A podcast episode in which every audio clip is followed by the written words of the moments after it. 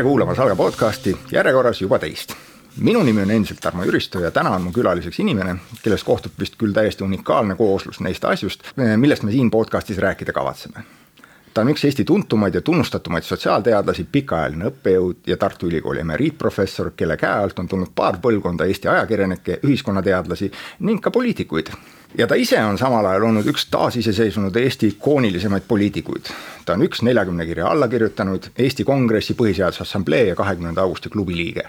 temast sai tuhande üheksasaja üheksakümne teisel aastal sotsiaalminister Mart Laari valitsuses on raske ette kujutada kedagi paremat, kellega rääkida sellest, mida me teame poliitikast. tere tulemast, Marju Lauristin. tere, tere, no oli see vast sissejuhatus. no sa võiks olla harjunud. mulle ikka ei meeldi no sai läbi, et lähme, lähme nüüd siis äh, sisu juurde kui ma selleks eh, ette valmistasin, ma hakkasin korraks isegi tagasi mõtlema sinna, et, et kui kaua ja kust me omavahel tunneme ja, ja siis ma avastasin, et, et ma ei mäletagi seda esimest korda, kus me omavahel nagu vist rääkisime, et ma ise no, tean, mina olen sind kogu aeg teadnud. see oli Tallinna Ülikoolis. see oli vist EHI ja mingi suvekool. Tallinna Ülikoolis jah, ja ma ja. tutvusin sinuga filosoofia doktorandiga. jah, mingi kultuuriteooria doktorant vist küll täpsemalt sel ajal jah, aga, aga jah, see on ja see oli ka ikka juba ammu-ammu aegu tagasi. aga jah, see mõte, miks ma seda ütlesin, oli see, et, et kui ma ma seda mõtlema hakkasin, siis mulle tundus, et, et noh, mina olen nüüd küll viiekümne kahe aastane juba on ju, eks, aga ma olen kasvanud üles teades sind kogu aeg ja, ja et sa oled kogu aeg olnud selline nagu tapeet või mööbel toas no.. et, et kogu aeg olnud osa sellest, sellest avalikust elust. ja see ongi võib-olla, kust ma mõtlesin hea meelega pihta hakata, eks, et, et sedasama poliitika tausta poole pealt, et sa oled olnud siis noh, nüüd ütleme jah, esimest korda ministrina üheksakümmend kaks, aga noh, nagu ma siin mainisin. ainuke kord. jah, see oli see, kus sa olid nagu nii-öelda selles tegevpoliitikas, aga, aga poliitikas oled sa olnud ju ka ammu-ammu enne seda isegi. ei ole, ei ole, ei ole, ma olen poliitikas, kui rääkida ka poliitikast, siis ikkagi mitte varem kui kaheksakümne kaheksandast aastast mm,. nojah, see oli siis, kus algasid. Äh, rahvarindega. rahvarindega just jah, ja siis tuli õnneks Põhiseaduse Assamblee, äh, Eesti Kongress Põhiseaduse no,. siis tuli Ülemnõukogu kõigepealt. enne tuli Ülemnõukogu, siis tuli Põhiseaduse Assamblee ja siis tuli Riigikogu ja kõik see, kõik see muu sinna järgi. kui sa sellele ajale tagasi vaatad, et, et kuidas sa võtaksid kokku seda, et, et mismoodi poliitika selle aja jooksul muutunud on? noh, vaata, meie tulime, meie siis see, see seltskond või põlvkond, kes siis tuli kaheksakümmend seitse, kaheksakümmend kaheksa, meie ei olnud poliitikud me olime õppejõud, teadlased, kirjanikud, kunstnikud, ajaloolased, kõikvõimalikud inimesed. ja meie tulime poliitikasse sellepärast, et noh, siis oli Eestis niisugune aeg, et midagi sai ära teha.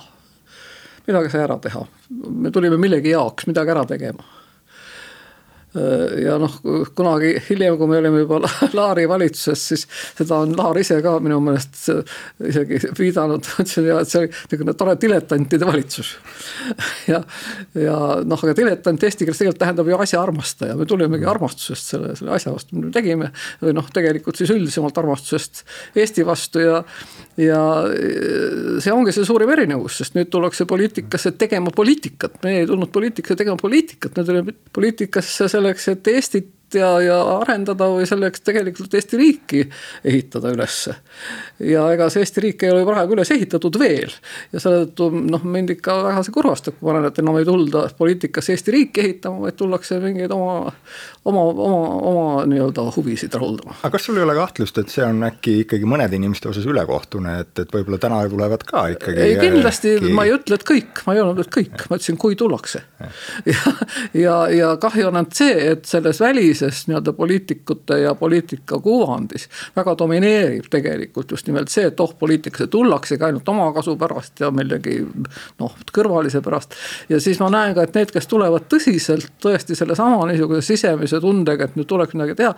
Nad küllalt tihti nad tegelikult sõtkutakse ära mm. -hmm sest siis öeldakse, ai, see ei too punkte ja see ei too seda, see ei too teist, jäta nüüd see, sellest ei saa rääkida. ja, ja, ja siis inimesed, kes lähevad noh, mingi suure asja noh, nagu missiooni tõttu nad. ma näen, ma tean, ma tunnen mitmeid, kes on noh, selles mõttes olnud väga kurvad, ütleme nii. mõned on ära tulnud, mõned on jätkanud, lõpuks ikka ära tulnud tundega, et nad on noh, nagu ei ole, ei ole suutnud, ei ole saanud teha seda, mis, milleks nad sinna läksid. meie, kes me siis olime, meie ei saa seda ütelda, me saame ütelda küll, et noh, muidugi me ei saanud ju kõike ära teha, sest lihtsalt aeg oli lühikene aga noh, me tegime nii palju, kui suutsime ja, ja me aitasime ka üksteist selles. ja noh, see võib kõlada kummaliselt võib-olla minu suust, aga mina olen alati öelnud, et, et Mart Laar oli Eesti parim peaminister ja miks ta oli Eesti parim peaminister? mitte sellepärast, et tal olid ühed või teised vaated, vaid selles, et ta oskas meeskonda innustada ja meeskonda koos hoida, aga kui meeskonnas olid väga erinevad inimesed mm. -hmm. ja, ja tal oli see tõesti niisugune, ma ütleks noh, mingisugune noh, ma ei tea, kas siis sisse sündinud või selline noh, selles mõttes demokraatlik hoiak, et tal oligi huvitav, noh, mida erinevad inimesed nagu mõtlesid. ja siis, kuidas sellest kokku panna siis üks ühine mõte, ta üsna kiiresti, tal oli siis juba väike arvuti, ta kiiresti-kiiresti formuleeris, et ahah. kas see on nüüd nii, et me nüüd mõtleme asjast ja teeme nüüd nii. ja, ja see oli nagu selline pidev selline konsensuse otsimine, mis mm. oli ja see niisuguses niinimetatud kabinetivalitsuses on tegelikult ju ainukene produktiivne võimalus üldse midagi teha see on kohe hea küsimus, et äh, ma olen enne selle peale isegi mõelnud ja ei ole olnud head inimest, kellelt küsida, nüüd sa oled kohe siin, et, et kas Laari valitsuses juba ka otsustati konsensuslikult või hääletati? ei, me ei hääletanud kunagi. kunagi hääletanud, jah sest eh, kas, kas seal vahepeal on siis noh, seda vahepeal seda aegu sa ei tea ilmselt tähendab ise, aga.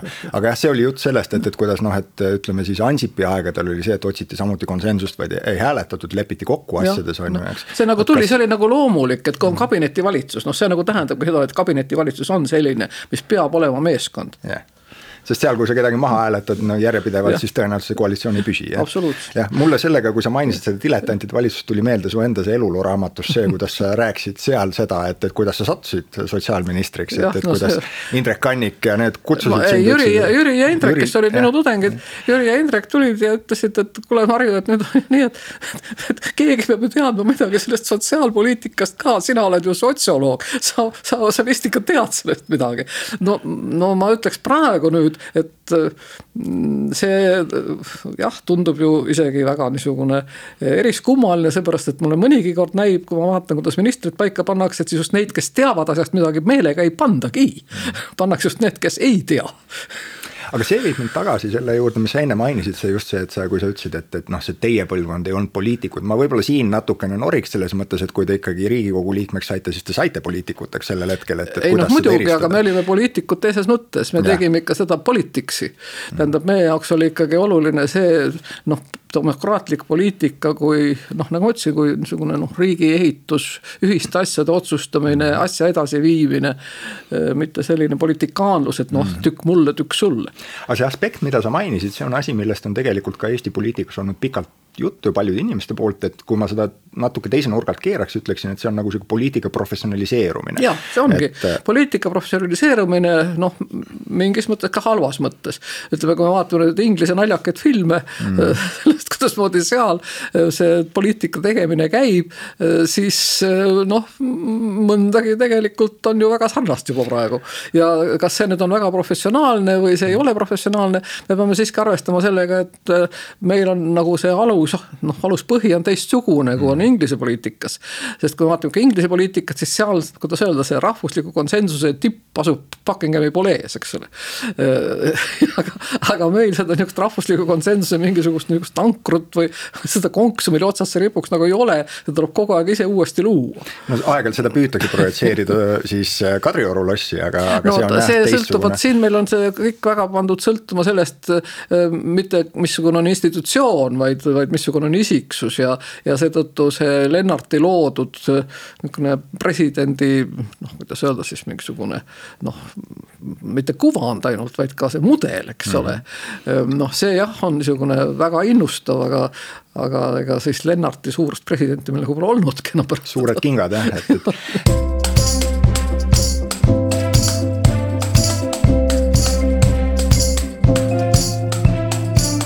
selle professionaliseerumisega tahtsin veel ikkagi korraks tulla veel sinna tagasi, et, et noh, üks tekst, millega sa kindlasti ju tuttav oled, on see äh, Weberi äh, Poliitika kui kutsumus ja poliitika kui elukutse loomulikult ma õpetan seda isegi tudengitele. et jah, et, et siis äh, selles, seal on joonistatud välja see noh, ma ei tea, kas vastuolu, aga pinge selles suhtes, et ühelt poolt on see ju ka, sellel on ka head küljed, kui poliitika professionaliseerub, kui on inimesi, kes teavad seda, võtavad seda nagu elukutsena. siin me peaks siis arutama, mis see poliitiku professionaalsus on. jah minu meelest on Eestis nagu üsna, üsna kehval järjel selles mõttes see päris professionaalsus. seepärast, et mis on demokraatlikus ühiskonnas poliitika professionaalsus, see ongi see, et ta teab, et ta on, eks ole, noh oma valijate esindaja. tema professionaalsus on selles, et ta suudab neid valijaid tõepoolest tunnetada, et ta tõepoolest suudab neid noh, vajadusi, huve nagu avalikkuse ette tuua. et ta suudab neid kaitsta teiste poliitikutega suheldes ja samas, et ta suudab ka siis tagasi tuua oma valijatele selle noh, tulemuse, eks ole. ja et need valijad siis nagu saavad tõesti aru, et jah, see poliitik teeb seda tööd, milleks me oleme teda usaldanud. vot see on professionaalsus ja selle professionaalsuse väga suur osa on osata kuulata ja osata väljendada seda, mis tegelikult on inimestele tähtis aga meil on see mandunud ja muutunud selleks, noh millest Habermas räägib, eks ole, sellest samast nii-öelda avalikkuse tootmisest ja meil juba toodetakse ka seda, toodetakse seda nii-öelda valijate mandaati, mida tegelikult valijad ei ole andnud. toodetakse seda poliitikat, mis just nagu on mingitele huvidele vastav, aga kus ei ole mitte mingisugust seda reaalsuskontrolli, kas need inimesed, kes on sind valinud, tõepoolest just sellest lahendusest on huvitatud ja seega see poliitika ei ole professionaalne. see on tegelikult mingis mõttes selline noh, turundatud poliitika, see ei ole mitte see esindav poliitika aga ma mõtlen, et isegi selle esindava poliitika juures ikkagi on ka ju mingid teatud sellised käsitööoskused, et noh, mida sa ise mainisid, näiteks ei, kuulamine no, ja. loomulikult need ongi, need, need ei ole mitte ainult käsitöö, need on peatööoskused no ma mainisin neid jah, sellise nagu jutumärkides käsitööoskustena. ja, ja, nagu... ja, ja, ja ma arvan, et see on väga oluline ja, ja siin muidugi selleks, et see niisugune professionaalsus oleks kindlamal jalal ja oleks ka tarvilik seda kuidagimoodi institutsioneerida, see tähendab luua siiski mingid reeglid, mille järgi siis see valitud poliitik nagu noh, peaks nagu toimetama. ja siis saaks seda kas siis mõõta või otsustada, kas ta siis toimetab niiviisi. noh, näiteks kasvõi see asi, eks ole kui ma olen kohtunud oma kolleegidega, kui ma olin veel ise riigikogu saadik või hiljem Europarlamendis, siis ma nägin ikkagi, et need vanade demokraatiate tulnud saadikud, nende jaoks see aeg, kus nad läksid siis noh, nagu me ütleme, vabale nädalale mm. -hmm. Nende jaoks oli see ikkagi väga selgelt seotud, reglementeeritud sellega, mis nad tegid, kuidas nad seal kohtusid tõesti oma valijatega, missuguseid asju nad seal läbi viisid. see oli noh, selgelt nähtav avalik tegevus ja see oli osa nende tööst tööst aga meil, ma arvan, ei ole see sugugi mitte niiviisi, see on nii, kuidas juhtub, eks ole. aga vot professionaalsus tähendabki seda, et ei ole, kuidas juhtub mm, -hmm. vaid on nii, nagu see on selle ameti juures noh, nagu oodatud ja, ja siis ka nõutud, eks ole. ja ma arvan, et teiselt poolt seesama äh, seadusandlus, eks ole, töö seadusandluses, see on professionaalne poliitika töö, aga poliitik ei ole jurist poliitiku töö seadusandluses on tagada, et see tükk seadusandlust, eks ole, et see tõepoolest oleks nagu käinud läbi sellesama avaliku demokraatliku kontrolli. ja siin noh, minul oli see võimalus ja see oli mulle ääretult huvitav. just nimelt mulle huvitav ka kui õppejõule, kui poliitilise kultuuri õppejõule. kuidasmoodi see asi tõepoolest oli korraldatud samas, samas Brüsselis, meil on nihuke tunne, et Brüssel on mingi õudne arusaamatu must kast ja, ja klaaskolakas. tegelikult seal sees käib väga tõsine, tõesti niisugune, võiks öelda väga professionaalne töö, näiteks. kui sa oled ühes töörühmas, mis tegeleb ühe mingisuguse noh, raportiga või mingisuguse noh, seadusandliku tekstiga. siis sul on ettegi nähtud ja sul on selleks ka vahendid ette nähtud mm. -hmm. et sa korraldad näiteks sel teemal seminare, kus sa kohtud teadlastega, et sa korraldad ümarlaudu, kus sa kohtud igasuguste noh organisatsioonidega, eks ole. sul on eraldi päev, näiteks mul oli niiviisi, et mul oli nädalas kaks päeva vähemasti, mis olid kahekümne minuti kaupa jagatud kohtumiseks igasuguste lobistidega. sest lobist ei ole mitte kurjategija. lobist on inimene, kes on kohustatud oma siis noh, tööandjale mm -hmm täpselt lugema läbi need eelnõud ja nägema seal ära kõik need niisugused kohad, mis on selle ettevõtte või selle organisatsiooni jaoks nii-öelda tundlikud. ja siis tulema ja näitama ka sellele siis näiteks noh, parlamendiliikmele, mis need kohad on ja siis arutama, kas neid on võimalik või ei ole võimalik siis mõõta. ja kuna mina tegelesin näiteks sellise keerulise värgiga, nagu seda on andmekaitse siis see oli minu jaoks äärmiselt õpetlik, sest me kohtusime nii suurte ettevõtjatega Google'ist alates, eks ole, aga tegelikult ka näiteks tarbijakaitseorganisatsioonidega või siis ütleme, mingisuguste noh, kasvõi selliste inimestega, kes annavad välja telefoniraamatuid, eks ole. ühesõnaga väga erinevatega, kes kõik tulid, neil oli alla kriipsutatud selles eelnõus mingid kindlad paragrahvid. Nad ütlesid, vot see on, kui te nii teete, siis meil hakkab juhtuma see.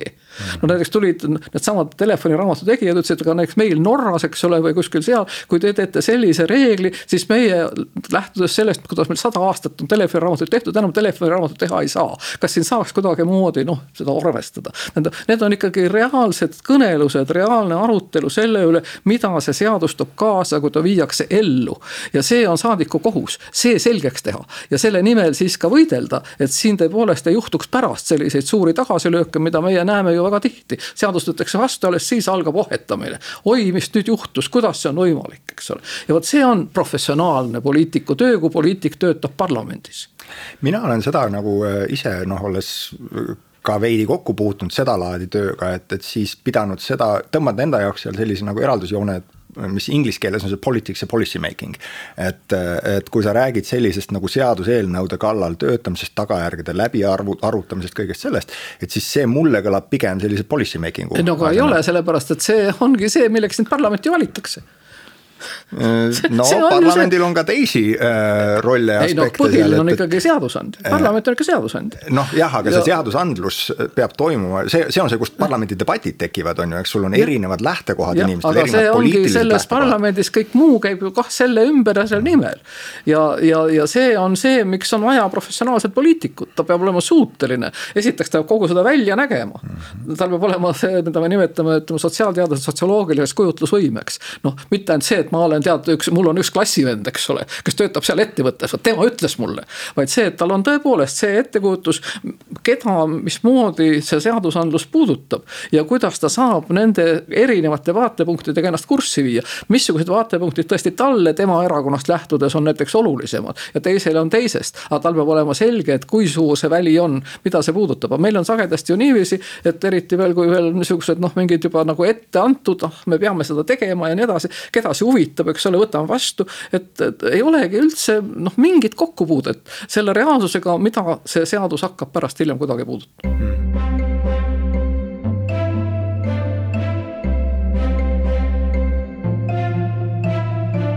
Lähme siit natuke selles mõttes edasi, juba tegelikult mainisid seda, mis üks asi, mis ma tahtsin küsida ka seesama see võrdlus, et kui sa vaatad nagu siukseid noh, Eesti ikkagi täna nüüd enam mitte noore demokraatiana, aga noh, Euroopaga võrreldes siiski suhteliselt, suhteliselt noorena.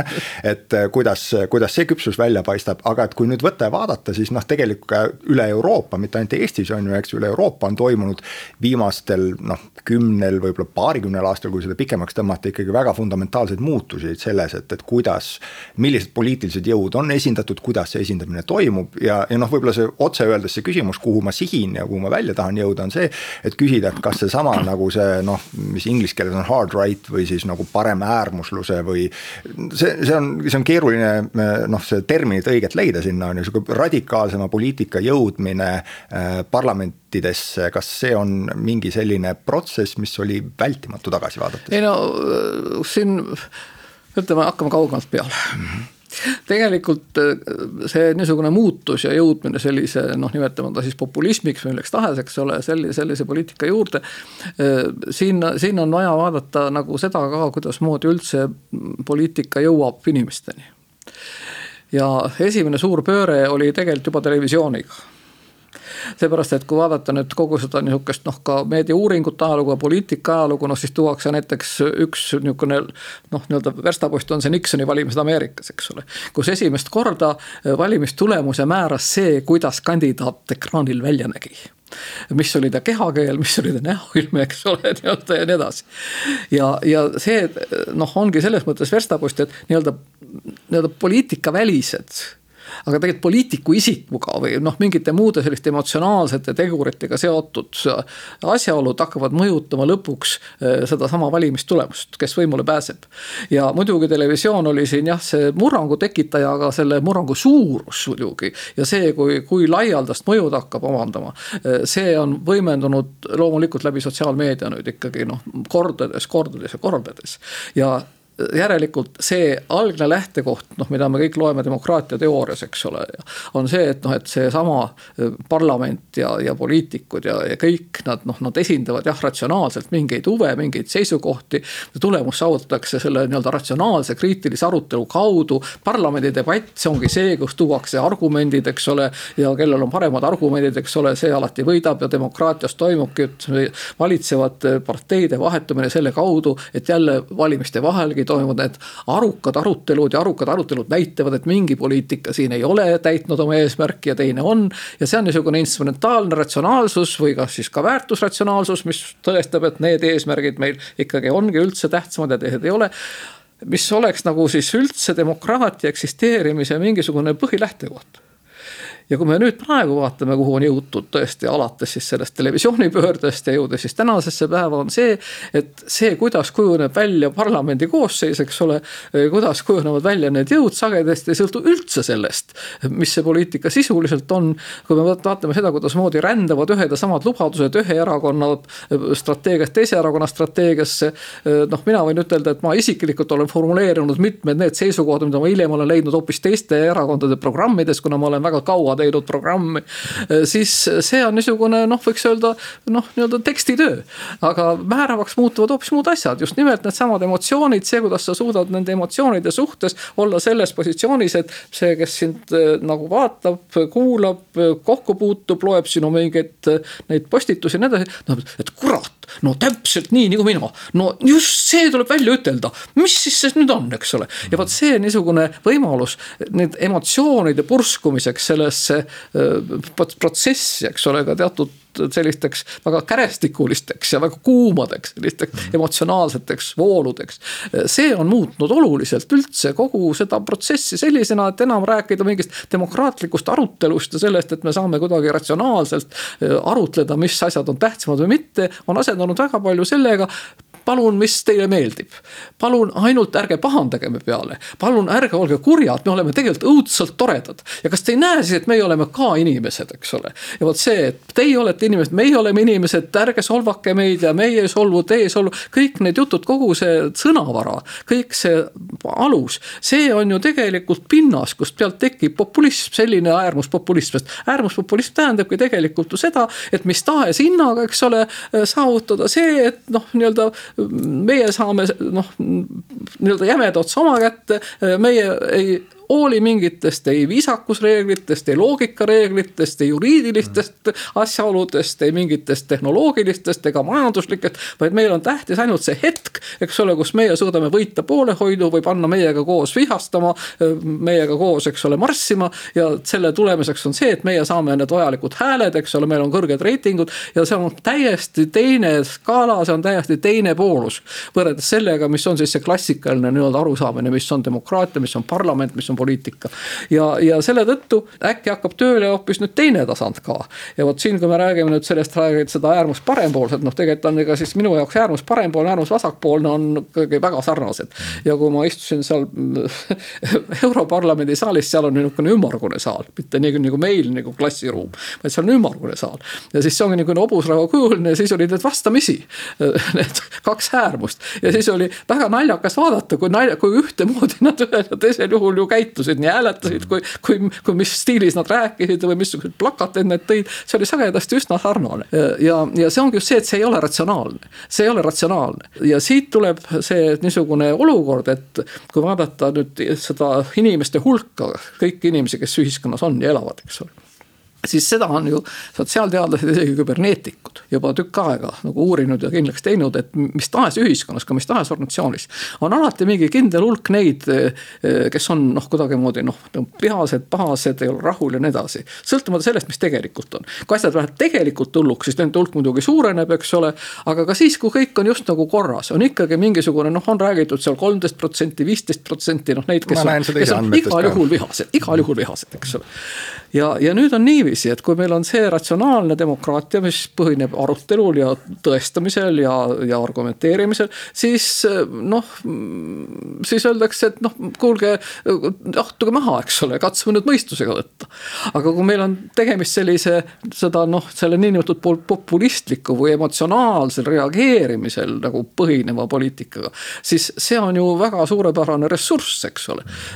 on inimesed, kes on valmis noh, tõepoolest tulema, ütlema, saatma kõiki põrgu ja nii edasi. ja vot sellele, sellele nagu sellele tundele, sellele hoiakule annab kahjuks väga palju toitu üks teine asi ja see on see, mikspärast nüüd on see, räägitakse liberalismi kriisist, see on tegelikult liberalismi kriis, see on pigem jah, pigemalt laiemalt kogu selle noh, jah, lääneliku või lääne ühiskonna poliitiliste praktikate ja õigemini keeleliste praktikate kriis.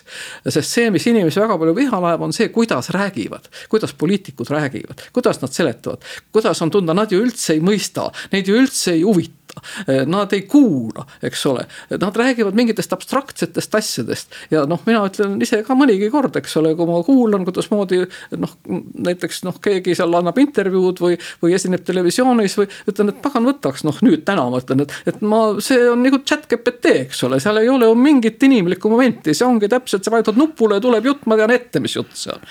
ja kui siis sellele nüüd vastandiks tuleb see ehe, mahlane noh, kas sõim või naer või noh, midagi sellist, mis on tõepoolest, see on inimlik, eks ole.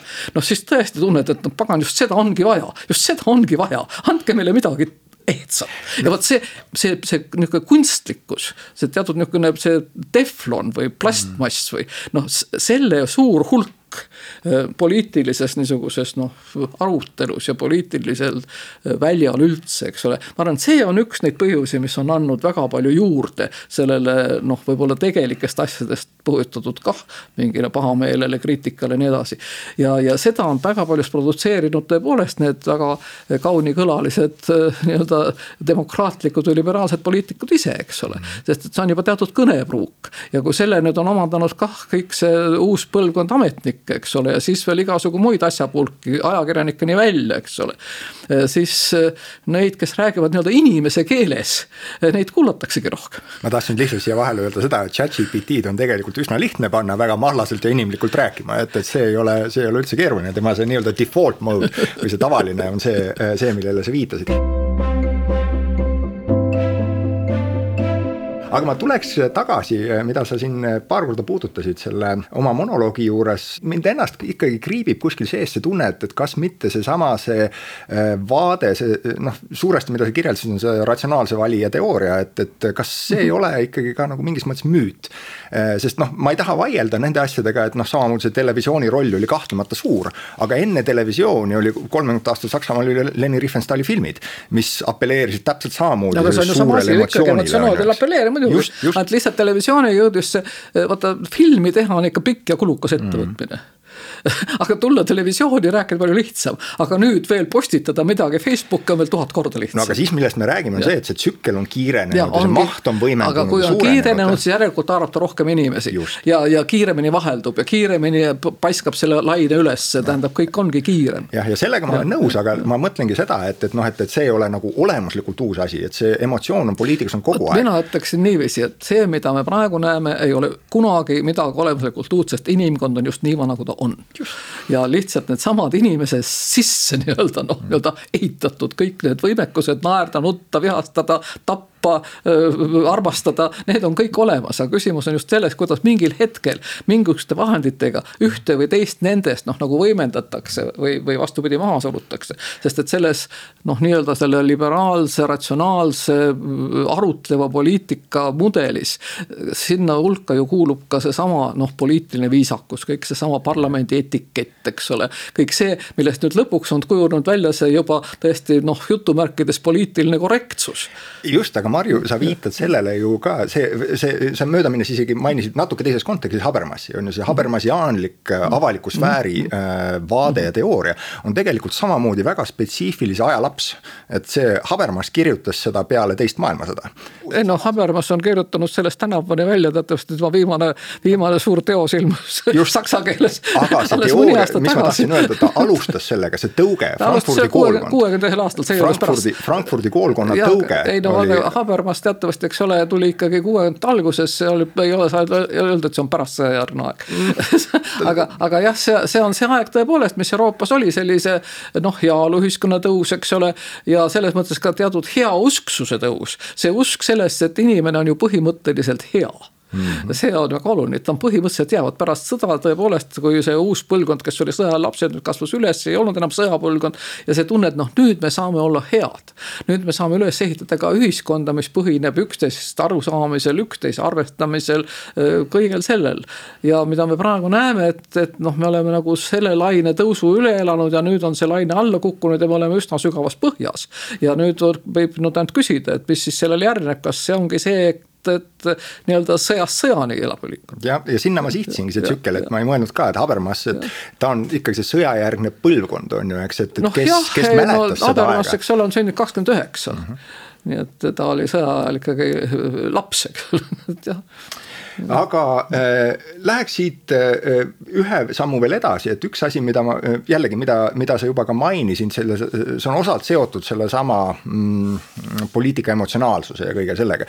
et üks, üks teema, millest ka ju viimasel ajal on päris palju juttu olnud, hästi palju akadeemilisi artikleid kirjutanud, küsimus ongi ka jah selles, et, et kas meie lääne poliitiku tervikuna on nihkunud ära sellelt noh, nii-öelda ratsionaalselt huvide eest seismiselt ja rohkem nagu identiteedi poole sellele, et, et. et ma ei vali mitte lähtuvalt sellest, mis on minu huvides, vaid ma valin lähtuvalt sellest, kes ma olen, kellega ma nagu kokku noh, võib nii ka ütelda, kuigi ma ei tea, kas see on just identiteet, kas see niisugune noh, ma ütleks pigem emotsioonide poole, ma ütleks pigem mõistuse poolt emotsioonide poole sest identiteet on ka seotud noh, mingis mõttes emotsioonidega, aga ta on siiski natuke laiem ja identiteete on ju teatavasti väga erinevaid.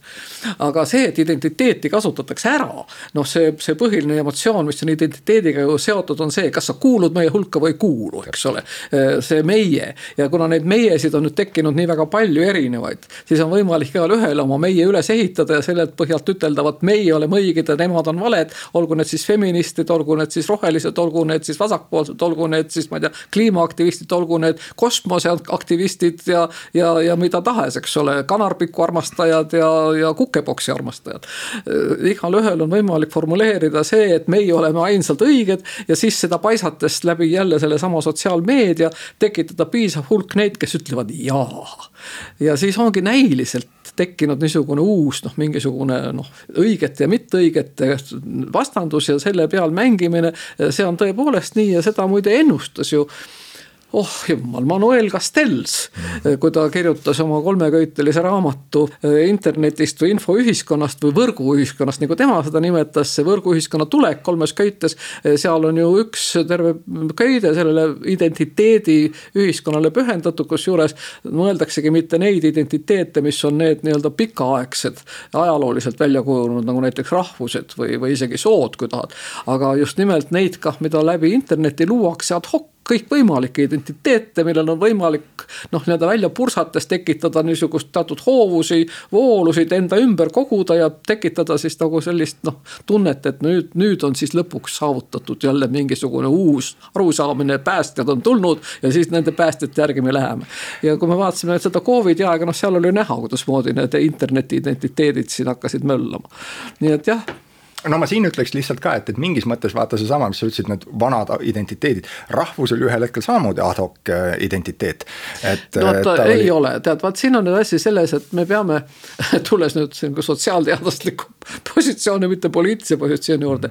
siiski hakkama teistmoodi üldse noh, rääkima, mõtlema ja ka uurima, analüüsima äh, neid samu noh, nii-öelda vanu identiteete, sest et mm. vot need vanad identiteedid on käinud vahepealt läbi ju igasuguste poliitikate, noh neile antud niisuguseid poliitilisi seletusi. ja, ja kui me siis ainult nende juba formuleeritud poliitiliste loosungitega või mingite poliitiliste vastandustega neid identiteete samastame. siis tegelikult me oleme väga kaugel sellest, mis toimub inimese hinges, kellel see identiteet tegelikult on.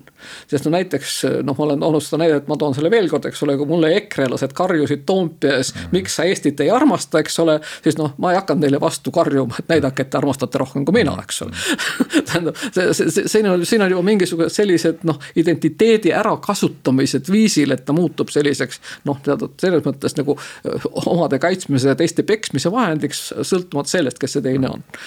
kui me räägime aga identiteedist nüüd sotsiaalteaduslikus mõttes, eks ole, siis me sellest sellest ju kuskile kaugele ei saa, et inimesel tõepoolest on seesama noh, ka Maslow püramiidi järgi see, see sotsiaalne vajadus kuuluda. kuuluda siis noh, kellegi hulka, kes on siis tema jaoks siis meie, eks ole. ja, ja, ja need nii-öelda vanad identiteedid on need noh, kõige siis võiks öelda, öelda algsemad, näiteks sooline identiteet. ja kui sa tahad ütelda, et see on nüüd kõik lagunenud, siis sa lähed EKRE-ga kaasa, tegelikult ei ole. tähendab see, et on tunnistatud seda, et on inimeste hulgas kuskil noh, ütleme noh, nüüd võib vaielda, kas on kümnendik, eks ole, või natuke mm. rohkem. on neid inimesi, kelle sooline identiteet võib olla noh, ambivalentne või, või teistsugune, ei tähenda seda, et see noh, nii-öelda sooline identiteet kui selline on sellega kuidagi ära kadunud. Neil on lihtsalt siis teistsugune sooline identiteet. aga kui me võtame rahvusliku asja, siis rahvuslik identiteet jällegi noh, tal on väga palju niisugust noh, võiks öelda poliitilist juures. aga kui me sotsiaalteadlastena hakkame nüüd arutama ja mõtleme keelele ja kultuurile, eks ole, ja väärtustele ja nii edasi. siis eh, mingi kollektiivsus, mis selle taga on, eks ole, noh näiteks keele, keele taga, eks ole, eh, on reaalne eh, mingisugused väärtused, mis inimesi ühendavad, nad on reaalsed kas seda on vaja, kas on vaja, et oleks seda kollektiivsust? Noh, mina väidan jällegi kommunikatsiooni inimesena, et kui seda jagatud, seda tähendust ei oleks, siis ei oleks ka neid väärtusi mm. -hmm. nii et noh, mingisugune niisugune noh, nii-öelda siis kogemuslik või, või tõlgenduslik kogukond, eks ole, on vajalik ja see on formeerunud ajalooliselt keelte ümber kas need keeled on riigikeeled, see on nüüd teine küsimus, eks ole, seepärast et meil on nagu, kuna see rahvusriiklus on nagu noh, aga see on suhteliselt ju noor asi, eks ole. on nagu ühendanud väga ühe üheselt riigi ja keele. ja me räägime praegu ka sellest, et näiteks me läheme üle riigikeelsele õppele. mina olen selle vastu teadlasena protestinud, me ei lähe mitte riigikeelsele, vaid eestikeelsele.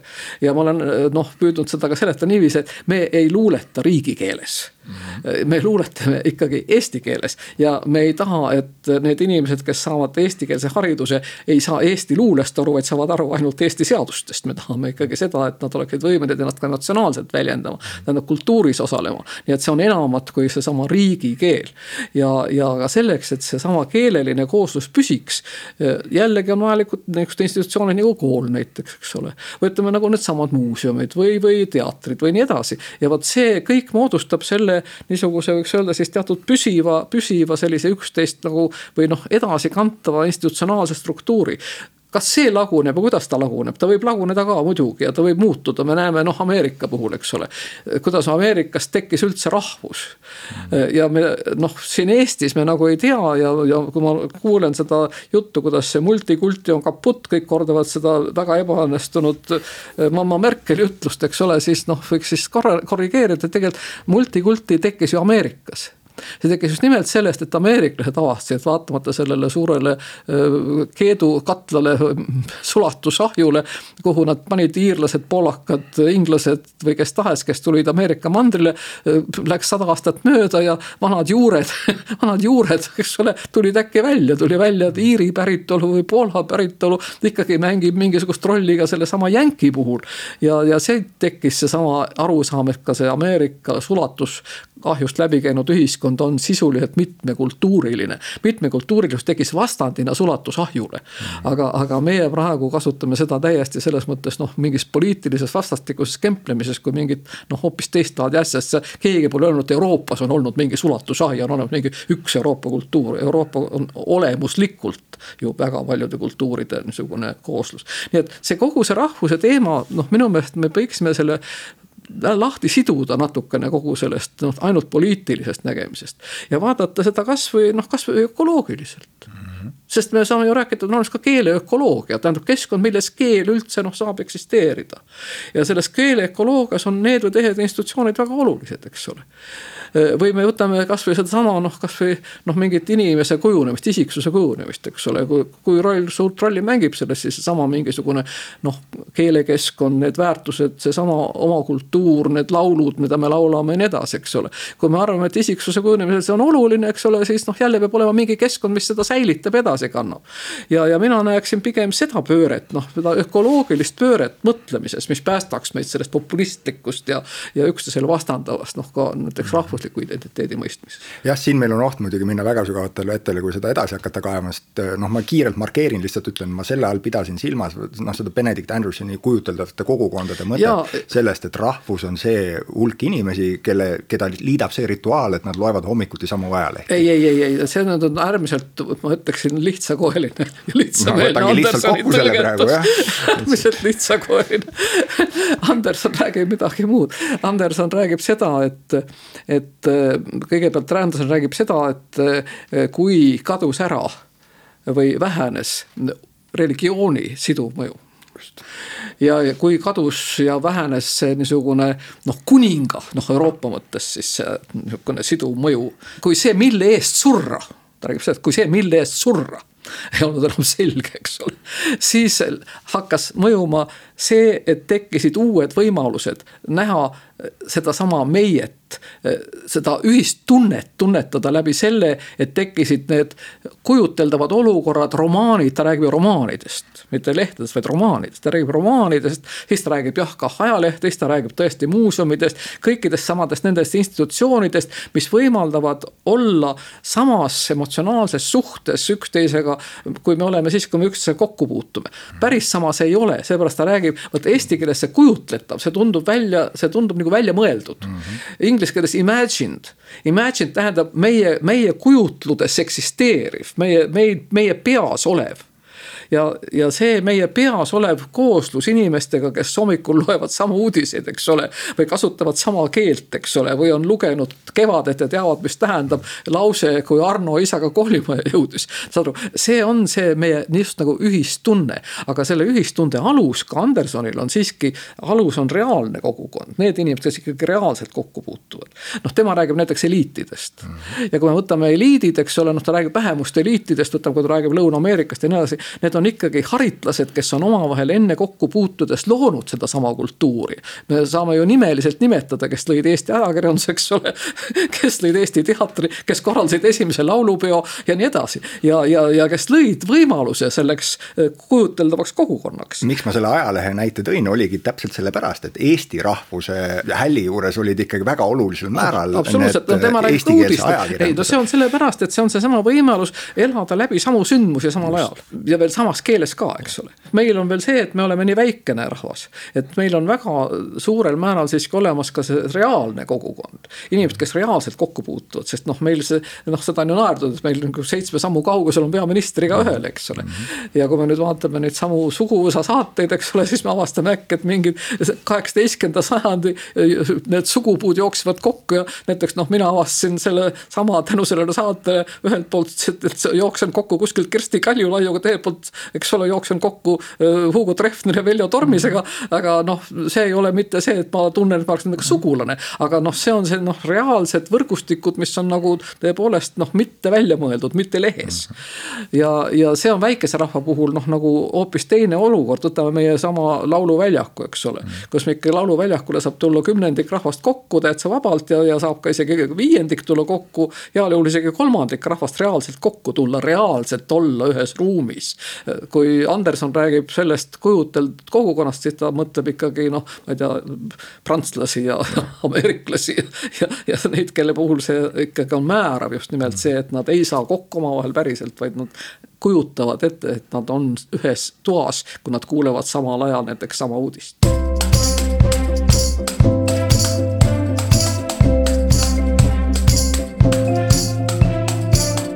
aga me olemegi nüüd sujuvalt jõudnud äh, selle teise äh, poole juurde, millest, äh, millest ma rääkida tahtsin, et, et al alustasime poliitikast, aga ma tahtsin jõuda siis, mis on sinu elus ka hästi suur oluline teine tahk, on, et sa oled teadlane.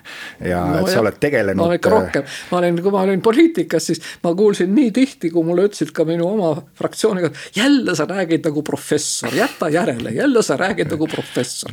nii et ma ikkagi ja kui minu käest on ka küsitud, mis mu eriala on, siis mu eriala ei ole kunagi olnud poliitik no siis võib-olla see on seesama, et sa oled poliitik kutsumuse poolest olnud nagu, nagu selles Weberi osas jah, mingi ajutiselt, aga et su elukutse on olnud siis jah, pigem see äh, teadlase pool. ja seal ma mõtlesin just ka äh, tagasi selle peale, et, et üsna samal ajal, kui mina läksin Tartu Ülikooli nüüd kaheksakümne üheksandal aastal, et, et siis see oli vist sama aasta, kui Tartus avati sotsioloogia teaduskond.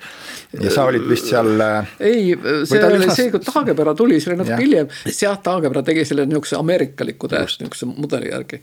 ja sina olid vist selle sünnil noh, mitte nüüd nagu päris kättpidi juures, aga ikkagi suhteliselt lähedal. ei, ma ei olnud sellel üldse juures, sest mina olin siis nimelt ära ja mina olen ajakirjanduses siis. ja, ja ajakirjandus. kuidas sa jõudsid sotsioloogiasse? ajakirjand, ei, mina jõudsin sotsioloogiasse palju varem, sest mina jõudsin sotsioloogiasse juba siis, kui ma läksin filosoofia aspirantuuri mm. -hmm. ja see oli, vabandage väga, kuuekümne seitsmes aasta ja, ja, ja mina valisin omale siis äh, filosoofia aspirantuuris väärtust, väärtuste teema ja siis mul oli võimalus äh, ka lugeda juba esimesi neid suuri Ameerika restomaatilisi sotsioloogilisi käsitlusi väärtustest. mul tekkis üks tuttav, hea sõber, eestlane New Yorgis, kes töötas selles Columbia ülikooli äh, selles applied sociology või social sciences keskuses, kus oli ka Merton omal ajal ja nii edasi. ja ta saatis mulle mõned raamatud ja, ja, ja no ma mäletan, kuidas ma olin sellest vaimustunud, mul on praegu see raamat alles, suur paks raamat inglise keeles, American Society. ja kus siis kirjeldati kirjeldati seda Ameerika üli, ühiskonna kujunemist ja neid väärtusi, mis seal on ja kõike mm., mõtlesin, oi kui põnev, no see on see, mida tõesti tahaks teha. ja siis ma hakkasingi tegelema mitte siis ainult väärtusfilosoofiaga, vaid tulin sealt siis ka selle väärtuste uurimise juurde juba ja sealt siis päriselt sotsioloogia juurde. ja siis ma puutusin kokku Ülo Vooglaiuga, kes oli minu diplomitöö juhendaja mm. -hmm. ja mu diplomitöö oli juba muide massikommunikatsiooni teooriast nii et noh, ma tulin tegelikult juba täiesti sellise niisuguse sooviga ikkagi ühiskonda uurida. ja, ja sealt siis tuligi see, et, et põhiline siis noh, õppimine käis ikka tõesti selle kaudu, et me käisime äh, neid Ameerika ja muid ingliskeelseid raamatuid lugemas Moskvas. Moskvas oli see äh, nii-öelda võõrkeelte raamatukogu ja, ja seal võõrkeelte raamatukogus oli neid ingliskeelseid raamatuid, oli ka ühiskonnateaduste raamatukogus erihoius olid need ja kui ülikoolist oli sul kaasas paber, et see inimene teeb teadustööd niisugusel teemal, siis sa said need lugeda, nii et me lugesime ikkagi siis väga regulaarselt ja palju seda tolle aja niisugust Ameerika sotsiaalteadusi ja sealt me saime nagu selle noh, nagu aluse, nii et kuigi sotsioloogiat ametlikult ei olnud ülikoolis, ei tohtinud ka õppida, aga me nagu ise arendasime seda seepärast, et. et jällegi Juhan Peegel, kes oli siis, kui ma läksin ajakirjandusteadu sinna noh, hiljem osakonda. noh, tema väga soosis seda, et inimesed olid niisuguste lääne asjadega kursis, eks ole, ja õppisid ja kõik. ja, ja nii minust sai sotsioloog jah, nagu iseõppija, õsiõppijana tegelikult nagu mm -hmm. filosoofiast sotsioloogiasse ma liikusin iseõppijana. ma mäletan just ka su enda eluloost seda, et kuidas sa rääkisid seda, et et kui sa ülikooli läksid, sa valisid tegelikult eh, kirjanduse ja füüsika vahele, eks. no see oli enne, see oli siis, kui ma läksin esimesele kursusele, siis ma valisin jah füüsika ja kirjanduse vahele. ja siis sa sattusid filoloogiasse ja sealt edasi aspirantuuri sa läksid. aga jäingi teksti analüüsima sest ka minu väitekiri oli seotud tekstianalüüsiga ikkagi minu see noh, kitsam niisugune sotsiaalteaduslik noh, siis kompetents on ikka seotud tekstianalüüsiga mm. -hmm aga eh, väga eh, huvitav see, et sa mainisid sedasama äh, raamatut, mis mida sa siis suure huviga lugesid, American Society mm, -hmm. mis vaatas üle noh, selle, kuidas Ameerika ühiskonna väärtused ja hoiakud kujunevad, kuidas see ühiskond on liikunud. et see viib mind kohe selle raamatu juurde, mis mul siin tegelikult kõrval kaasas ka on seesama kuulus Return to the Western World, mis tuhande üheksasaja üheksakümne seitsmendal aastal ilmus, kus sina ja siis see, sa, sa siin enne jõudsid juba rääkida huvitava loo selle kohta, et kuidas siin on toimetajatena oled kirjas sina ja Peeter Vihalemm ja siis on mõned teised veel siis kaastoimetajatena on ju, eks, aga et alguses oli vist nelja inimese ühine projekt ja siis ühel hetkel jäite, jäite teie siis Peeter Vihalemmaga ei no tegelikult see oli niiviisi, et see oli raha, mis tuli meile Põhjamaadest, ma ei mäleta, mis instants see oli, igatahes see oli Balti, Põhjamaa on mingi niisugune ühisus. andis raha uuringuks ja siis selle uuringu puhul meie partneriks oli Lundi ülikool ja Eesti poolt olime siis jah, Peeter Vihalemm, mina, Triin Vihalemm, Margo Veskimägi, kes noh, Emoris, eks ole, nüüd on. Ja me tegime siis konkreetse uuringu, esimese, mis tehti, kus tõesti olid väärtused ka sees, väärtuste uuringu.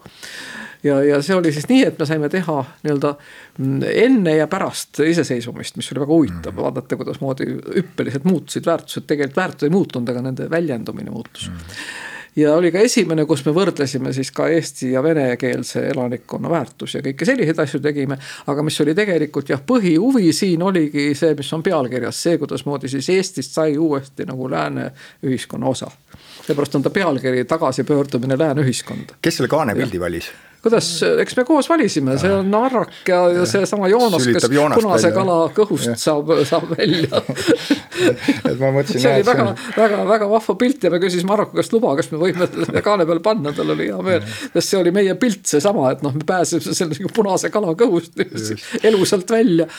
ja, ja see oli väga põnev tegemine, just nimelt see rootslastega koos tegemine sellepärast, et, et noh, meie jaoks oli see kõik väga endastmõistetav ja noh, ma olen seal kirjutanud ka ühe peatüki sellest, mis tundmustega nagu eestlased sellest nii-öelda kalakõhust väljusid ja mida nad siis ootasid ja, ja kui suur vajadus selle järgi oli sisemiselt. aga siis, kui me rootslastega koos arutasime, siis noh, nende jaoks oli see kõik niisugune noh, nagu esiteks väga huvitav, jah, nad olid väga heatahtlikud ja tõesti meid väga aitasid ja. ja meie noh, tol ajal ikka veel väga konarliku inglise keelega nägid nad vaeva ka ja, ja nii edasi. aga neil oli nagu natukene see ebamugav, sest et vaata Rootsi ühiskonnaks tolleks ajaks oli, eks ole, üheksakümnes. kogu see rahvuse teema eh, oli ikkagi niisugune, mis oli noh, mitte päris poliitiliselt okei okay aga meie rääkisime, meie ikka rääkisime, et meil on national liberation movement, eks rahvuslik vabanemisliikumine. ja nende jaoks see, see ei kõlanud nagu hästi ja noh, seal oli isegi niisugune naljakas detail, me tahtsime tagumise kaane peale panna selle eh, Narvas olnud Rootsi lõvi, mis nüüd on uuesti mm -hmm. taastatud, eks ole. aga noh, kui jutt on sellest tagasitulekust, et paneme selle Rootsi lõvi sinna, see oli neile täiesti vastumeelne, nad, nad keelasid meil selle mm -hmm. Rootsi lõve panemise sinna. aga muide, seal on ka avapeatükk muide, kui sa näed, seal on ju kadunud Helmut Piirimäe avapeatükk Eesti ja Rootsi suhetest, mis on sellise noh, ajaloolise taustaga ka mm. -hmm. nii et no meie jaoks ikkagi see tagasitulek läänemaailma tollal vähemasti üheksakümnendate alguses selgelt käis läbi nii-öelda põhjapoolse värava see Piirimägi on jah, see on, siin on laiemalt ja. nagu äh, Põhjamaade ja, naabrid, Eesti ja, ja Põhjamaade ja, naabrid, mitte Eesti ja Rootsi. meie, meie nagu omalt poolt väga rõhutasime seda, et noh, me tuleme nagu tagasi läbi selle põhjapoolse värava mm. -hmm. ja siis meie need Põhjamaide, mõisamaised kolleegid siis jah, eriti siis rootslased, noh nende jaoks see ei olnud alati väga mm -hmm mugav niisugune olukord. erinevalt näiteks jälle taanlastest, mina mäletan, et käisime ka läbi taanlastega ja taanlased vastupidi olid noh, kuidagi väga niisugused aktiivsed ja noh, oli Juffe Ellemann Jensen oli ju siis ka, oli aga peale ka näiteks Taani ka vasakpoolsed, ka Taani ametiühingud. näiteks meil oli seal kontakt oli Taani ametiühingutel oli seesama täie, täiskasvanu koolituse mingisugune niisugune keskus, eks ole, nendega. ja nemad siis see oli jah, kas kaheksakümmend üheksa või üheksakümmend vist, kui nemad ütlesid, tehke ära, tehke ära, saage ise, me toome teile tõeliselt kolm lõvikutsikat, eks ole kasvatage need üles, noh nende jaoks seesama Taani lõvi ja meie ja. lõvi oli nende jaoks niisugune väga niisugune positiivne. rootslastel teisiti jah. rootslastel oli jah natuke ebamugav. aga see oli jah, miks ma sellest raamatust rääkida tahtsin, oli ka ikkagi veel see, et, et see oli, ma olen seda noh, hiljem ka kuulnud paari inimese käest, et, et kelle jaoks on olnud selline maamärgi tähtsusega teos, et see oli esimene kord, et, et kus tõepoolest võeti siis nagu sa ise ka mainisid, väärtused lahti, võrd võrdlev perspektiiv oli, lahti, kõik erinevad. ja see avas eh, noh, terve hulga järgmisi asju, mis järgi tuli, muuhulgas ka su enda tehtud Meema. ei no ta eh, oligi on... tegelikult ju Meema sellest kõigest ju läks edasi, sama, samad inimesed ja. ja, ja, ja noh, noh võiks siis öelda nii, et see meie koolkond, Tartu Ülikooli sotsiaalteaduslik ja just nimelt ka meedia ja kommunikatsiooniuuringutega seotud sotsioloogiline koolkond. väga palju see on arenenud välja sellest ja mis on siin tähtis, kuna me tõepoolest tulime kah sellest nii-öelda meedia mm, eriala pealt, et me näeme ühiskonda väga paljus just nimelt läbi kommunikatsiooni, mitte ainult läbi siis selle majanduse, vaid ka teistpidi läbi kultuuri ja läbi kommunikatsiooni ja inimestevaheliste suhete ja nii edasi ja see Meemaga seoses sa oled noh, ikkagi ka nüüd see saab mis ta on siis nüüd varsti, varsti hakkab kolmkümmend aastat saama esimesest Meemast. esimene et, Meema oli meil kaks tuhat, jumal, kaks ja siis on ikka kakskümmend viis aastat hakkab saama jah, sellest, äh, sellest samast Return to the Western World'ist hakkab varsti siis jah, kolme aasta pärast. Meema, ma ütlen kuulajale, et, et see on, mina maailm meedia oli meie selle küsitluse ankeedi pealkiri. mina punkt, maailm punkt, meedia punkt. ja, ja noh, selle aluseks oli tegelikult selline sotsiaalkonstruktivistlik arusaam, et keskel on mina, noh tegelikult Habermas, eks ole mm. -hmm. keskel on mina, eks ole, siis on see mina oma ilm, see, see life world või elavik, eks ole. ja siis on see nii-öelda meedia loodud maailm ja seal taga on siis päris maailm maailm. ja, ja sealt tuli siis see lühendina see Meema, nii et nii ta jäi siis. ja, ja see, see oli, see on, see on selle noh, tähtsust ütleme siis Eesti ühiskonna teaduses ja selles, mida me teame ja kuidas me analüüsime ühiskonda, on, on raske üle hinnata, et see on asi tõesti, millega on nüüd juba mitu põlvkonda siis uurijaid on, on üles kasvanud ja töötanud selle kallal et.... noh, vaata, meil oli see ja noh, meil on, meil on praegugi see tunne, et Eesti on selles mõttes väga niisugune noh, tänuväärne koht tegelikult sotsiaalteaduslikult, noh, me oleme öelnud, see on nagu labor. see on nagu ütleme, issand jumala labor või ajaloo labor, eks ole. kuna siin on katsetatud meiega teha igasuguseid asju, eks ole. küll meid on saksastatud ja küll meid on venestatud ja, ja küll on meiega tehtud igasuguseid asju ja, ja noh, ennäe, me oleme ikka elus ja me oleme ikka, eks ole, tegevad. ja kuidas see on meid mõjutanud ja kuidas see ühiskond noh, nagu taastab ennast ja seesama nii-öelda kestlikkuse küsimus, eks ole, ja. ja identiteedi küsimused ja kogu see asi, noh, see on niivõrd huvitav ja see on niivõrd tegelikult selles mõttes jälle sotsiaalteaduslikult noh, erakordne, et me oleme nii väike ühiskond. et kõik need mõjud on terviku seisukohalt nähtavad, sest katsu sa suures ühiskonnas Ameerikas või, või noh, ma ei tea, ka Saksamaal äh, tervikut haarata, tervik on ikka see kujuteldav mm. -hmm. aga meil on see tervik absoluutselt reaalselt nähtav mm. -hmm. ja selle tõttu me oleme tõesti nagu labor, ma olen öelnud, et me oleme nagu sotsiaal sotsiaalteaduste äädikakärbest, et nagu mm -hmm. seesama geneetikutel äädikakärbes, kes on pisikene ja ruttu sünnib, ruttu sureb ja uuesti sünnib ja jälle sureb, uuesti sünnib, jälle sureb. nii et noh, meie, meie oleme nagu mingis mõttes laboriks ja praegu on ju sellest terviklikust käsitlusest minu meelest tohutult puudus mm -hmm.. noh, kõik see modernistlik maailm, see ju lõigustas ja, ja silotornistas, eks ole, noh ka selle tegelikkuse enda ja tegelikkuse pildi. ja me oleme püüdnud just nimelt lähtudes sellest, et keskel on ikkagi inimene ja isik ja mina ja see minu maailm taga nagu seda tervikut nagu kogu aeg näha mm. -hmm. ja äh, üks selline asi, mille ümber äh, see inimese oma maailm ehitatud ja, on, on ju nendes Meema asjades, et, et kuhu hästi palju need Meema uuringud äh, tähelepanu pööravad, on siis see, et millised on inimeste väärtused ja millised on inimeste hoiakud nende, nende asjade suhtes, kuidas nad ja. seostuvad, kuidas nad väljenduvad inimese jaoks, kuidas nad seovad, peegelduvad tagasi sellest meediamaailmast ja on seotud päris maailmaga. mu küsimus võib-olla asi ka, et mida lihtsalt arutada või mõelda veidi, on see, et, et kui rääkida nüüd üldiselt need Meema, Meema fookus ei ole, paranda mind, kui ma eksin siin, aga siis kitsas mõttes poliitika see, millest me enne rääkisime, et ta on sellest eemal. poliitika on üks nendest noh avaldustest. just, aga äh, hoiakutel on hästi otsene seos, on ju, eks inimeste poliitiliste vaadete ja, ja, ja kalduvuste äh,, kuhu poole nad nihkuvad, mida nad väärtustavad ja, ja mida ma tahan siin võib-olla nagu noh, ma ei tea, kas problematiseerida, tõsta üles, et mulle tundub, et see seos on ju vastastikune.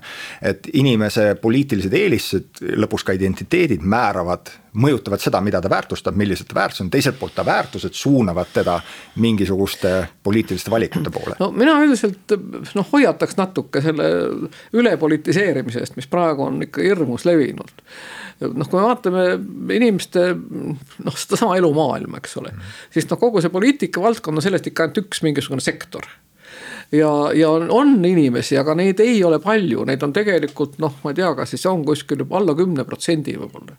kelle jaoks see poliitika on see prisma, mille läbi ta näeb kõike enamuse normaalsete inimeste jaoks ei ole poliitika see, mille läbi ta kõike näeb. aga jah, mõnedel olukordadel on see omadus, näiteks on tõepoolest noh, suured poliitilised muutused nagu olid meil, eks ole. seal noh, kaheksakümmend kaheksa, kaheksakümmend üheksa, üheksakümmend, üheksakümmend üks, kus siis noh, sa pididki nagu poliitiliselt oma identiteeti uuesti määrama, eriti näiteks kui vaatame seda venekeelse elanikkonna olukorda, nende jaoks oli väga selge. aga ka eestlaste seas siiski, eks ole, oli ikkagi see, et meil, me jagasime siis ju endisteks ja mitte endisteks ja nii edasi.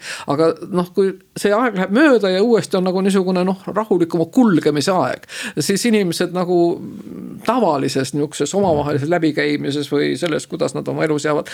Nad, nad ei arva, et kõige esimeses kohas on see küsimus poliitilisest vaatest kui on sõda, jah, nüüd jälle Ukraina sõda on uuesti mm. toonud meid selle juurde, et on väga tähtis, kelle poolt ja kelle vastu sa oled. aga noh, paljud valdkonnad, võtame kasvõi näiteks sama hariduse, eks ole, või. või noh, kultuuri või noh, nende ülepolitiseerimine, noh, see, kui see jääb väga pikaks või läheb väga läbi, eks ole. siis see on natuke nagu jää, mis tiigi läbi külmetab, nii et kalad ära surevad ma ei mõelnudki praegu seda, et, et kõiki neid asju peaks püüdma kuidagi taandada äh, poliitikale, on ju, eks, aga et pigem sedapidi, et, et kui võtta see poliitika fookus äh,, mis, mis noh mm, -hmm. ütleme see, see meie podcast'i ja. raam on, et siis sellest, sellest punktist vaadates ei saa hoiakutest väärtust kuidagi üle ega ümber. ei saa, aga siin me jälle näeme, miks me seda meemat oleme ju teinud niiviisi iga kolme aasta tagant ja vaadanud, noh, kuidas see asi muutub. et ümber ka üle sellest, et on siiski mõned üsna niisugused jäävad noh, nagu, nagu erisused või struktuurid mm. -hmm ja pigem on niiviisi, et needsamad poliitilised erakonnad noh, kohanevad nendega nii või teisiti. ja jah, paraku on see niiviisi, kui me vaatame seda Eesti ühiskonna jaotumist, et juba tõesti alates siis üheksakümnendate aastate algusest, aga kui me tegime esimese Meema kaks tuhat kaks, tuli see juba väga selgesti välja. et meie ühiskond jagunes väga selgelt, noh, see on ka poliitiline, eks ole, aga noh, nendeks, kes olid nagu siis selles muutuste nagu laines. selles noh, nimetame seda siis alguses nimetame võitjateks võitjateks ja kaotajateks mm. -hmm. hiljem seda enam nii ei nimetatud, aga noh, ütleme nii, et kes, kes nagu kohanesid, kes noh, jõudsid edasi, kes saavutasid nagu selles mõttes ka kooskõla iseendaga läbi selle ühiskonna, kellel oli optimismi ja, ja tahet ja nii edasi. ja nendeks, kes jäid nagu tahapoole, kes ei suutnud, kel ressurssi oli vähem ja nii edasi. ja see erisus noh, mida võib ka siduda mingis hetkes natuke selle vasak-paremaga, aga ei ole päriselt vasak-parem seepärast, et nii mõlemal pool, nii nende pool, kes tundsid, et neil nii-öelda läheb hästi, nad tahavad edasi ja neil on jõudu ja tahet ja optimismi. oli ka jaotus ikkagi sisemiselt ka erinevate vaadete vahel, samuti nagu sellest teisest poolest. ja kui me nüüd viimast meemat tegime, siis on selge, et siia on juurde tulnud väga selgesti see teine mõõde, just nimelt seesama, see noh, nimetame siis innovatiivsuse mõõde Mm -hmm. tähendab, mitte siis ainult see, et kas ma ühiskonnas tunnen ennast noh, nagu paremini, valvemini, mul läheb paremini, valvemini, olen jõukam, vaesem või noh, ma ei tea, edukam, vähem edukas. vaid ka see, kas ma, kui veel nüüd muutused tulevad mis siis on, kuidas ma tahan siis nagu olla, jätke mind nii-öelda rahule, eks ole. ma tahaks nagu tasapisi nagu elada seda elu niiviisi, et ma tunnen temast ka rõõmu ja, ja tuttavate asjadega puutun kokku ja. ja ei pea ennast enam pingutada, pingutama, et kogu aeg muutuda ja teised ütlevad lähme edasi, nii põnev on, lähme edasi, uued asjad. ja see noh, mis oli alguses ju, kui me võtame tagasi, võtame kasvõi poliitika tagasi. noh, mäletad, kui oli Reformierakonna loosung Meie muudame mm. ja see oli tohutult positiivne, see kutsus inimesi kaasa ja tulla praegu loosungiga meie muudame, siis öeldakse jätke järele, eks ole mm., minge ära, ei taha. kui me vaatasime nüüd meie nende uuringute tulemusel, kuidas inimesed jaotusid ja kui panna nüüd need risti, need kaks telge mm. üks on siis see, eks ole, kellel siis nagu on jõudu ja ressurssi ja, ja tunnetab ennast siis selles mõttes nagu noh noh, ütleme, on olemas ka niisugune silt elu peremehena või siis mm. sellisena inimesena, kellel selles ühiskonnas no läheb hästi ja ta loodab, et läheb veel paremini. ja siis teisena, teis, teine pool, kes seda ei tunne või tunneb, et ta vaevu, noh, jalad on põhjas, aga peab rabelema. või siis noh, on hoopiski tunne, et noh, enam ta ei, tal ei olegi, eks ole, nagu enam võimalik kuidagimoodi ennast isegi teistega võrrelda, võib-olla tal on juba asjad nii kehvasti. aga teine telg on siis see, et kas siis nüüd need mõlemad seda tulevikku vaadates tahaks siis muutust, kas lähevad kaasa sellega, et meil on ees suured tehnoloogilised uuendused ja muud kõik. või kes siis pigem hoiavad seda muutust natukene tagasi ja püüavad seda aeglustada ja nii edasi. ja vot siin me tuleme nüüd selle konservatiivse liberaalse juurde ka kas see ei ole mingis teises mõttes, ma just tahtsin küsida, mulle kõlab see pigem nagu progressiivne versus konservatiivne. vaata, aga sest see, see sul on see, see vana argoo, seda, kus sa tead postmodernses ajal, ajas progressiivsus ei ole nagu ei mingi, ole see, mingi asi, eks ole. see ei ole mingi asi, tähendab, vaid ja, ja meie oleme oma selles uuringus kah pigem siis nagu rõhutanud seda, et me, me ikkagi seda nii-öelda vertikaalmõõdet, seda esimest telge, seda vertikaaltelge. et see on ainult üks telg, aga see teine, see horisontaaltelg on pigem see, mis näitab suuremat mitmekesisust ilma, et see oleks progressiivne või regressiivne aga ta on lihtsalt teistsugune mm. -hmm ja, ja, ja mis on huvitav, et Eesti ühiskonnas nüüd, kui me räägime poliitikast ja poliitilisest retoorikast, mis on läinud lihtsalt paljus vastastikuseks sõimuks. vaid võtame seda inimeste sisemist hoiakut, siis on need asjad kenasti tasakaalus Eesti ühiskond tegelikult oma loomult on sihuke kerakujuline ja noh, kera on teatavasti väga püsiv, eks ole, niisugune. ja, ja, ja need on päris tasakaalus, kui me vaatame neid, kellel on seda nii-öelda jõudu, ressurssi, optimismi rohkem, ka nende hulgas on umbes pooleks neid, kes tahaks nagu edasi kiiremini võtta kõike uut. ja neid, kes ütlevad, et aga meil on väga palju siis ka kaotada, vaatame, mis meil kaotada on, hoiame nüüd seda, teist ja kolmandat, eks ole. ja kui me vaatame nüüd ka seda, kes on seal allpool, eks ole, siis seal on ka neid, kes rabeleks igal juhul ja püüaks nende uute võimalustega kaasa minna, et oma olukorda parandada. Ja neid, kes ütlevad, et me ei jaksa, me ei jõua, me ei taha, eks ole, me hoiame seda pisukestki, mis meil on ja, ja nii, et meil see nii-öelda uuenduslikkuse või muutmismeelsuse ja siis selle noh, nii-öelda alalhoidlikkuse vahel on ka niisugune tasakaal, ei ole niiviisi nagu, nagu poliitiline retoorika ütleb, et enne olid kõik liberaalid, nüüd peavad olema kõik konservatiivid. vaid noh, tegelikult igas ühes meist on nii ühte kui teist, aga kui võtame kogu selle elanikkonna, need inimesed, siis nende vahel on nii ühte kui teist, aga vaata valimiste ajal. siin, siin nüüd teravduvad nüüd mingisugused asjad, eks ole, ja kui siis sellest niisugusest loomulikust alalhoidlikkusest tehakse selline noh, räige konservatism ei lase, ei tohi, ei tohi muutuda, eks ole, hoiame kinni, keerame ära, keelame ära, kaitseme ennast kõige uue vastu. siis äh, see ei ole enam see loomulik alalhoidlikkus mm. või kui muutus muutub kah muutuseks, siis enda pärast ütleme kohe, me oleme jälle kõige kiiremini jookseme kõigi ees ja, ja unustame kõik need, kes tahapoole jäävad, noh, see ei ole ka see, mis on tegelikult see loomulik innovatiivsus. nii et noh, minu märksõna tegelikult või märksõnad noh, lähtus sellest meie uuringutest ka on loomulikkus ja ja mitmekesisus ühiskonnas on need, mis hoiavad ühiskonda tasakaalus. ja Eesti ühiskond oma loomult on ikkagi rohkem tasakaalus kui tasakaalust väljas. aga teda püütakse ajada nüüd öelda tegelikult tasakaalust välja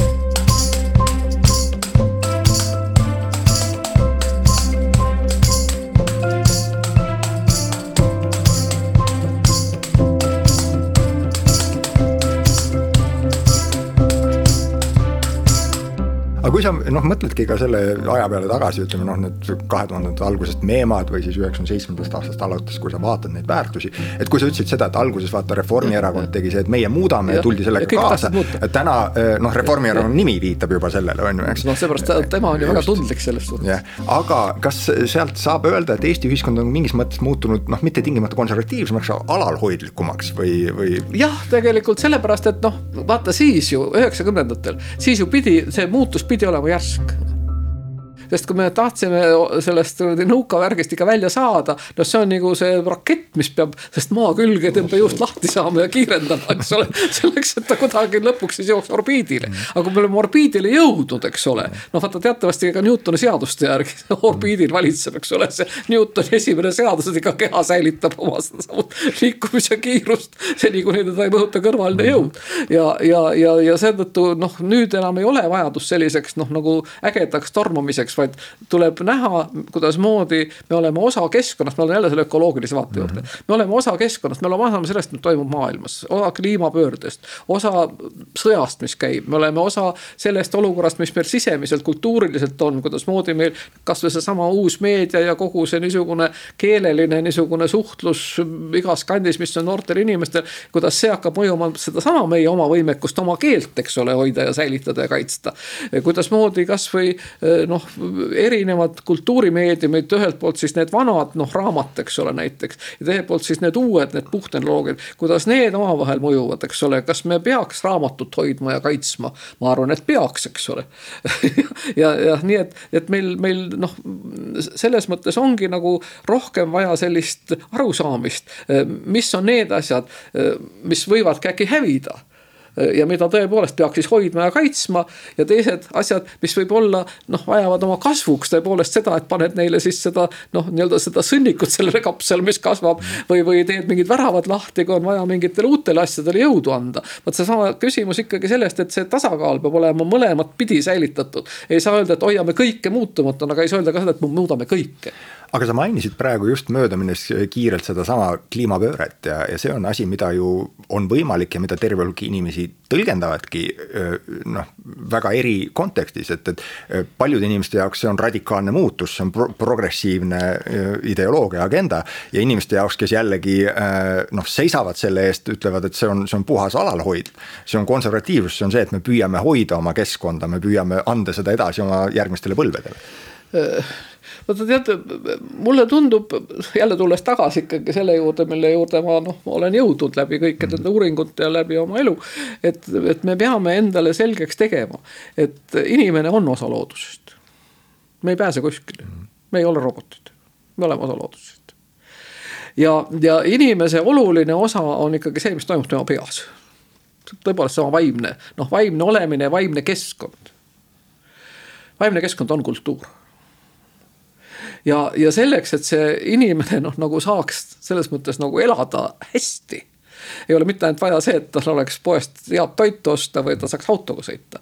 vaid noh, tal peab olema ka seesama teatud niisugune vaimse, vaimse eneseteostuse võimalus ja kui inimesesse täiesti maha suruda, nii et see temas ei arene, eks ole. noh, siis tekib midagi väga hullu, sellepärast et praegu, kus meil on see uus pööre, on nüüd järgmine tiir tehnoloogilises pööres nagu tehisaruga seotud, eks ole. noh, siis halvim, mis võib juhtuda, on see, et me muutume lihtsalt biomassiks, mida kasutab tehni-, tehisaru bioloogilisteks nii-öelda täienditeks sellele, mida tehisaru teeb meiega. me oleme need tehisaru jaoks lihtsalt noh, see, see mingi aistiv noh, käsi või jalg või keel, eks ole. kellel endal mõtelda polegi vaja, endal polegi aru vaja saada, mida me parajasti aistime. selle eest meil tehisaru juba konstrueerib kõikvõimalikke neid algoritme ja, ja mõisteid. kui me seda ei taha ja ma arvan, et me seda ei taha, eks ole, me tahame ikkagi nii inimliigina tervikuna kui ka Eesti rahvana oma autonoomiat ja oma võimet võimekust näha ka seda, mida tehisaru veel ei suuda näha. ja avastada veel asju, mis on kuskil noh, inimesele nagu mõistetuseks ja, ja huvitavad ja nii edasi. siis me peame arendama sedasama vaimset keskkonda. aga vaimset keskkonda me ei saa arendada nii, et me kogu aeg kõike muudame, sest vaimses keskkonnas ei ole nii. kultuuris ei ole progressi andke endale aru, kultuuris selles mõttes ei ole progressi. on küll erinevad ideed, aga kultuur kui selline, ma ei saa ütelda, ma ei saa ütelda, näiteks Michelangelo on teat-, teat-, teatavasti tagurlik, sest ta on nii vana ja vanaaegne. aga mingisugune noh, Kai Kass, eks ole, kes praegu pani mingisugused pulgad püsti kuskil näitussaalis, see on progressiivne, ta on kindlasti parem kui Michelangelo, eks ole. ei ole nii. ja, ja, ja vot selles arusaamises, et kultuuris ei ole sedamoodi arengut, eks ole, et kõik uus on parem kui vana.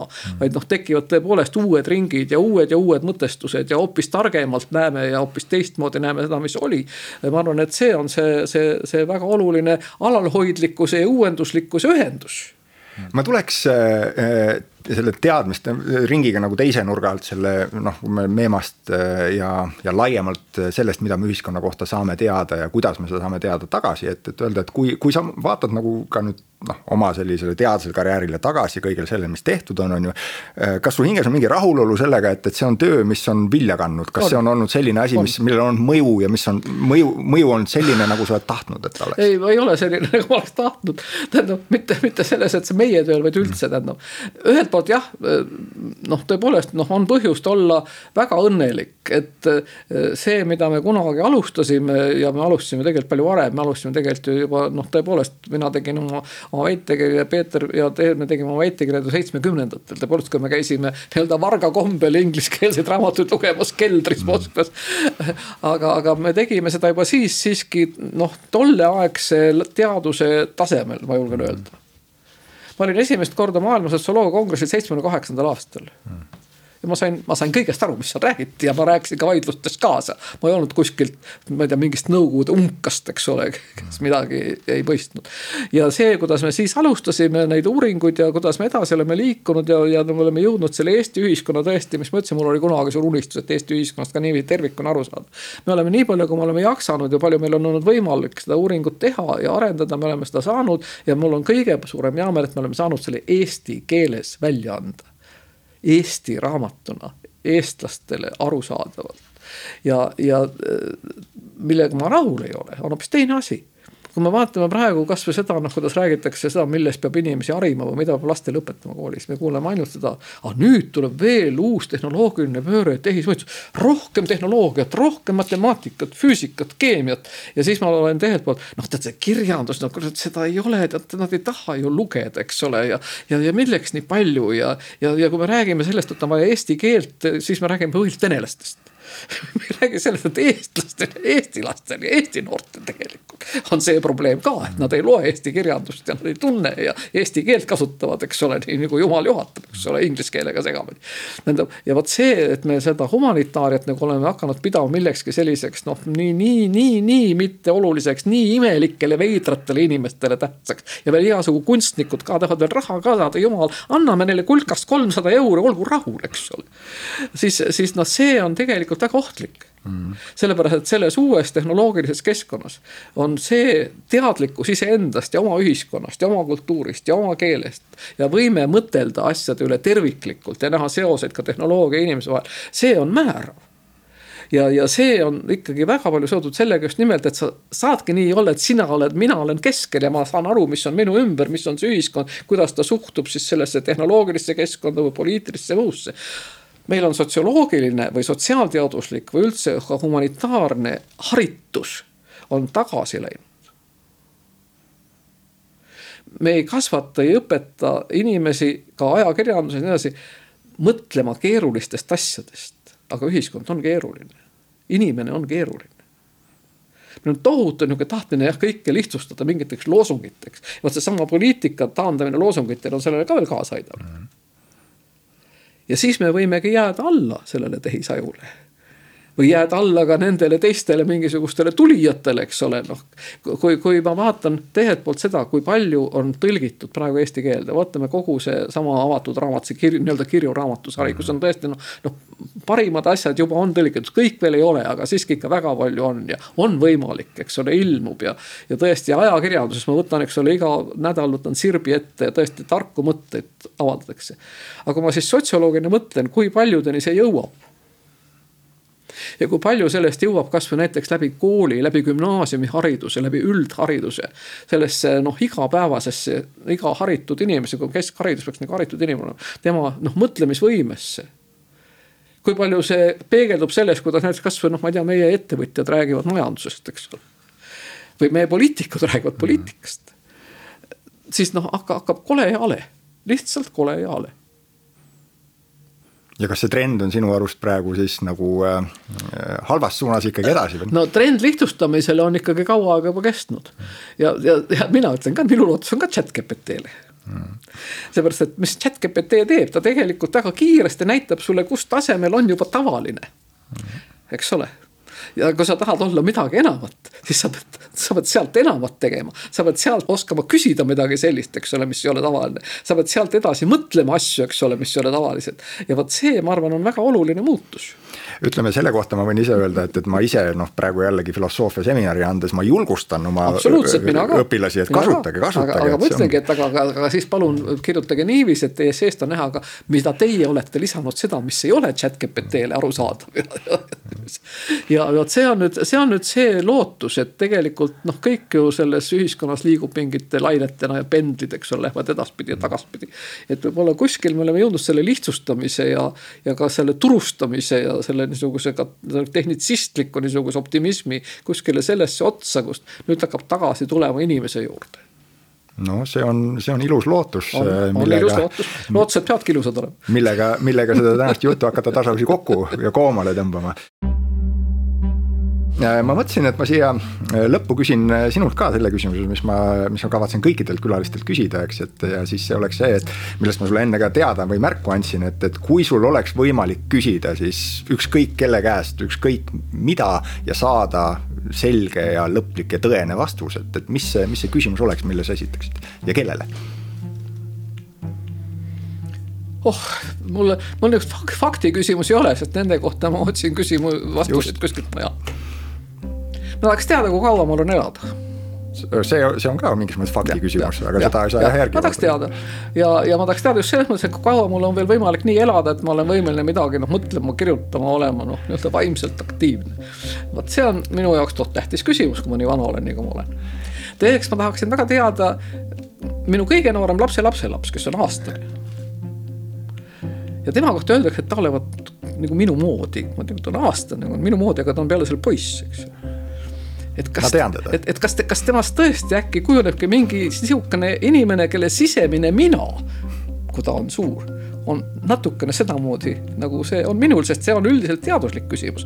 kui palju on sellel niisugusel noh, geneetikal üldse rolli selle inimese niisuguse sisemise, sellesama tema mina arengus. minu meelest see on väga põnev küsimus. ja noh, muidugi ma olen murelik nagu me kõik, ma tahaks teada, kas meil õnnestub vältida kolmandat maailmasõda need on jah, kõik suured rasked küsimused, selle esimese kohta öeldes lihtsalt see, et, et kui sa seda ütlesid, et noh, et sa tahaks teada, et kui palju sul on seda tegusat aega äh, veel, et siis mulle torkas pähe lihtsalt see, et, et ma arvan, et tundes sind ka ikkagi tükk aega on ju, eks, et, et mulle tundub, et sina oled üks hea näide sellest, et mida Gandhi ütles kunagi, et, et et äh, kuidas see oligi siis, et äh, ela nii, nagu sa sureks homme ja õpi nii, nagu see läks igavesti. ei noh, see on õige kõik, aga noh, näiteks noh, kasvõi mingi asja kirjutamine võtab reaalse aja, eks ole. ja, ja, ja kui sa tead, et sul on praegu need asjad käsil, sa lõpetad need, vot siin umbes, siis sa lõpetad veel need. kas mul siis on aega ja mõtet midagi veel alustada või ei ole? tahaks ette planeerida lihtsalt see. kuule, aga suur aitäh sulle saatesse tulemast ja ma loodan, et, et sul neid, neid toimekaid aastaid on veel jäänud palju-palju, et millega no,, mida me saame sinuga koos see, sellele küsimusele ei oska keegi vastata, sellest. aga suur aitäh sulle tulemast ja, ja kõike, kõike toredat ja head koduteed. ja aitäh, aitäh